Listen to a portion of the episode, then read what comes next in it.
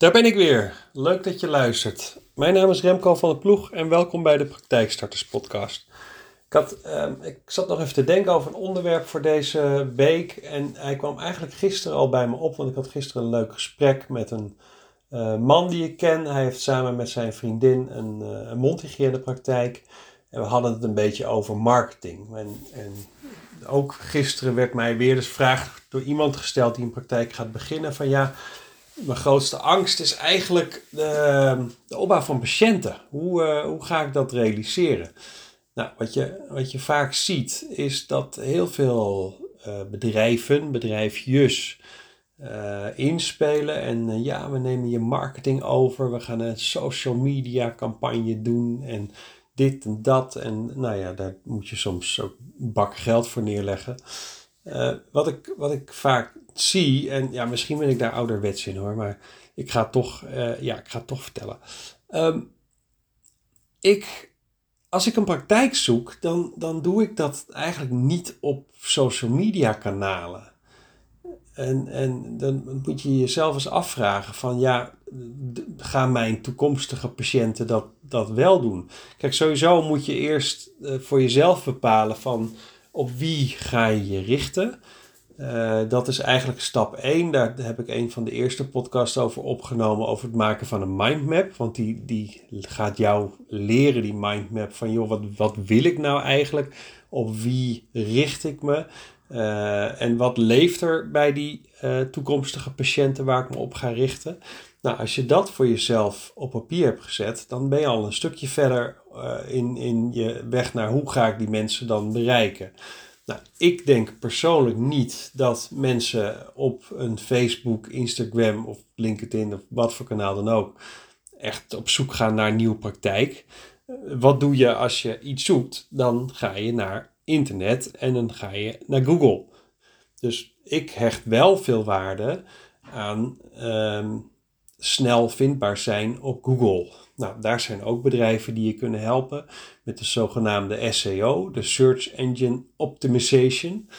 Uh, waarbij uh, bij, als je al één naam intypt, jouw bedrijf als, als eerste of tweede komt. Of nou, in ieder geval net waar je weer terecht wil. Kijk, iedereen wil als eerste en bovenaan de lijst. Dat is hartstikke leuk. Maar soms moet je daar best wel wat voor betalen met, met Google Ads. En dan ook nog een bedrijf die dat voor je inricht. Kijk, als ik zelf naar mijn eigen bedrijf kijk, als iemand googelt op, uh, op, op Secondent, zo heet mijn bedrijf, alleen weet niemand dat, of uh, op mijn naam met, met praktijk starten, dan, dan, dan komt dat waarschijnlijk als ergens op de eerste pagina kom ik terecht, zeg maar. Maar ik sta niet zozeer bovenaan. Nou, dat hoeft van mij ook niet. En daarnaast, kijk, ik moet het natuurlijk vooral hebben van uh, van via via. Dus ik, ik word vooral benaderd rechtstreeks omdat iemand over mij gehoord heeft. Dus ik heb, ik heb Google wat minder hard nodig. Maar goed, met je praktijk is het natuurlijk vet spannend. Wat ik altijd uh, mensen die een, nulstart doen uh, aanraad is van joh, zorg dat je alvast een landingspagina hebt. Gewoon een website. Heel simpel. Gewoon van mijn part één hele lange uh, pagina waar mensen naar beneden kunnen scrollen. Niet allerlei moeilijke menus, gewoon eenvoudig. Daar kan je sowieso op bijhouden wat de, uh, ja, hoe het gaat met de opbouw van je praktijk. Dus je kan eventueel ook foto's delen van de verbouwing en uh, dan en dan gaan we auto. Je kan alles delen. Maar ehm, op dat moment beginnen mensen al wel, als ze dan zoeken naar iets, dan is de kans al aanwezig dat ze in ieder geval bij jou terechtkomen, want je bent al ergens vindbaar. Nou, als je echt bovenaan wil komen zonder daar al te veel geld aan uit wil geven, dan moet je er vooral voor zorgen dat je, uh, dat je veel verkeer hebt naar je website. Dat heb ik bijvoorbeeld met mijn uh, eigen, ja, geen marketing gedaan. Maar goed, ik heb destijds toen ik mijn bedrijf begon, heb ik mijn eigen website gemaakt. Sowieso was ik startend ondernemer en kon ik mijn geld uh, in het begin zeker wel beter gebruiken. Dus ik denk, nou weet je wat, ik, ik maak gewoon een eenvoudige website. Nou, die heb ik ook gewoon opgezet. Die beheer ik trouwens nog steeds zelf. Toen ben ik me gaan verdiepen een beetje in marketing. Ik denk, hoe, krijg je, hoe, komt, hoe kom je nou hoger in de ranking, zeg maar, bij Google? Nou, dat is dus door veel verkeer naar je website te genereren. Dus ik dacht, ja, hoe ga ik dat doen? Dus ik ben eerst begonnen met bloggen. dat, dat, geldt natuurlijk niet voor een praktijk, maar het is gewoon om je even een idee te geven. Ik ben blogs gaan schrijven en die blogs die ben ik, in ieder geval de informatie daarover ben ik gaan posten op LinkedIn en Instagram. En daarbij stond de blog zelf op mijn website. Dus als mensen die blog wilden lezen, dan moesten ze naar mijn website. Nou, dat heeft in het begin heeft dat, uh, nou, heeft dat er wel voor gezorgd dat ik in ieder geval op de eerste pagina terecht kwam van Google. Nou, zoals gezegd, daar ben ik al tevreden mee.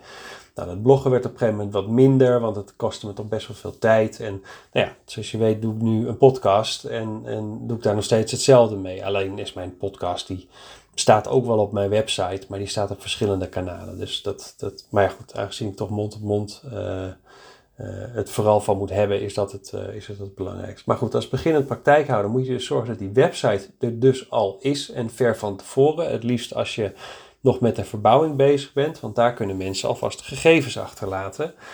Um, nou, en dan kan je ze later benaderen en eventueel hopelijk inschrijven, natuurlijk als nieuwe patiënt. Nou, daar begint het mee. Um, als mensen eenmaal patiënt zijn in je praktijk, en ervaren dat, uh, dat het bij jou er anders aan toe gaat dan bij een andere praktijk. Want dat is wat jou uniek maakt. Kijk, je hebt zelf de drive om, uh, om voor jezelf te gaan beginnen. want er zijn heel veel mensen die ik spreek, die werken al best wel lang of nou ja, soms ook kort bij een andere praktijk. En die zeggen, ja joh, ik, ik werk daar als ZZP'er, ik kan mijn ei niet zo goed kwijt. En uh, ik wil dingen op mijn eigen manier doen. Of ik, wil, hè, ik denk dat de zorg anders kan. Nou, en dat is vaak de reden waarom mensen ervoor kiezen om een eigen praktijk te gaan beginnen. Um, dus dan vraag ik ze ook altijd, maar de, de praktijk waar je nu al werkt, de, de, de patiënten die je ziet, die komen speciaal voor jou. En sommigen willen ook alleen maar door jou worden behandeld. Waarom is dat? Nou, en dat, dat zet eigenlijk iedereen wel altijd aan het denken van ja, waarom komt nou iemand specifiek bij jou voor de behandeling? Wat doe jij nou anders dan een andere behandelaar? Nou, en als je dat weet, en daar nogmaals, daar helpt die mindmap je ook bij. Als je dat weet, dan weet, ook, dan weet je ook wat jou uniek maakt. En juist dat unieke element, daar moet je straks met je eigen praktijk op gaan inspelen. Want dat maakt namelijk Ehm, dat mensen naar jouw praktijk komen.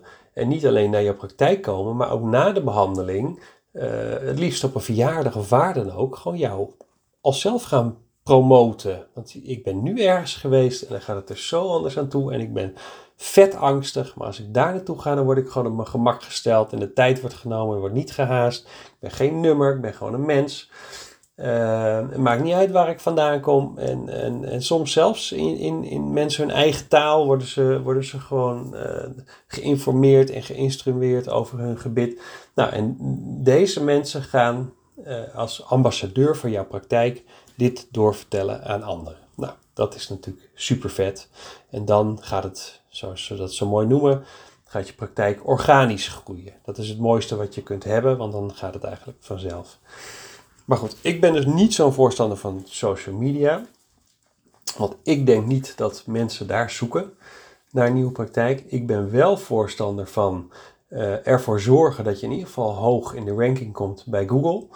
Uh, en die jongen die ik gisteren sprak, uh, zijn vriendin is multigenist en ze hebben inmiddels twee praktijken.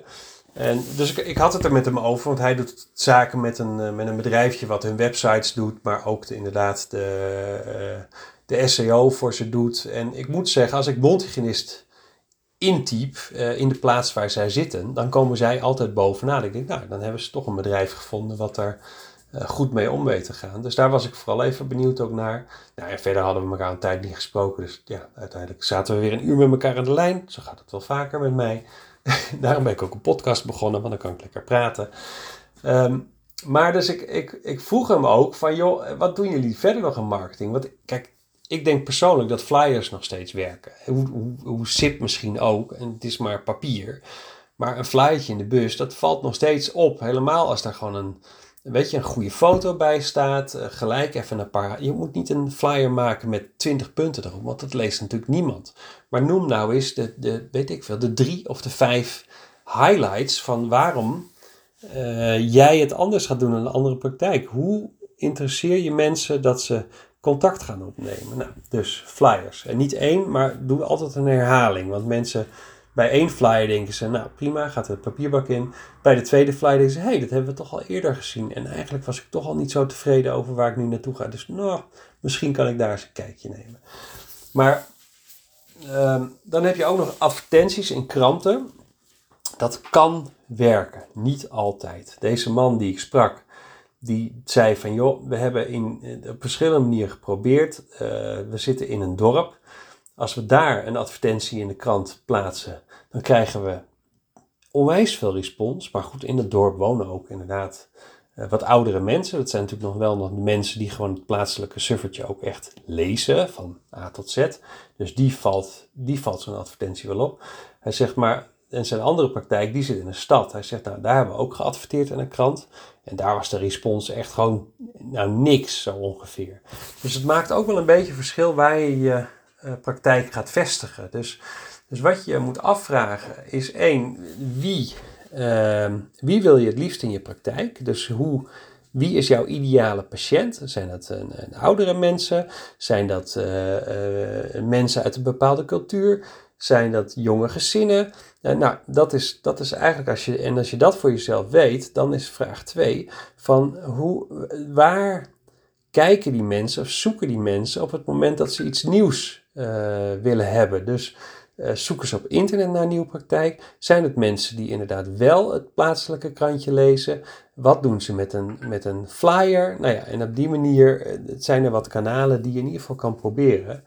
En tot nu toe, ik klop het even af, maar tot nu toe heb ik nog nooit meegemaakt, en dat gaat me wat mij betreft ook niet gebeuren, dat een prognose die we van tevoren hebben gemaakt, als, je, als je een vrijgevestigde multigene praktijk wil beginnen, dan, dan houden we vaak al rekening mee uh, dat er ongeveer zich, nou ja, 15, misschien 20 patiënten zich nieuw inschrijven per maand bij een, bij een, bij een gloednieuwe praktijk.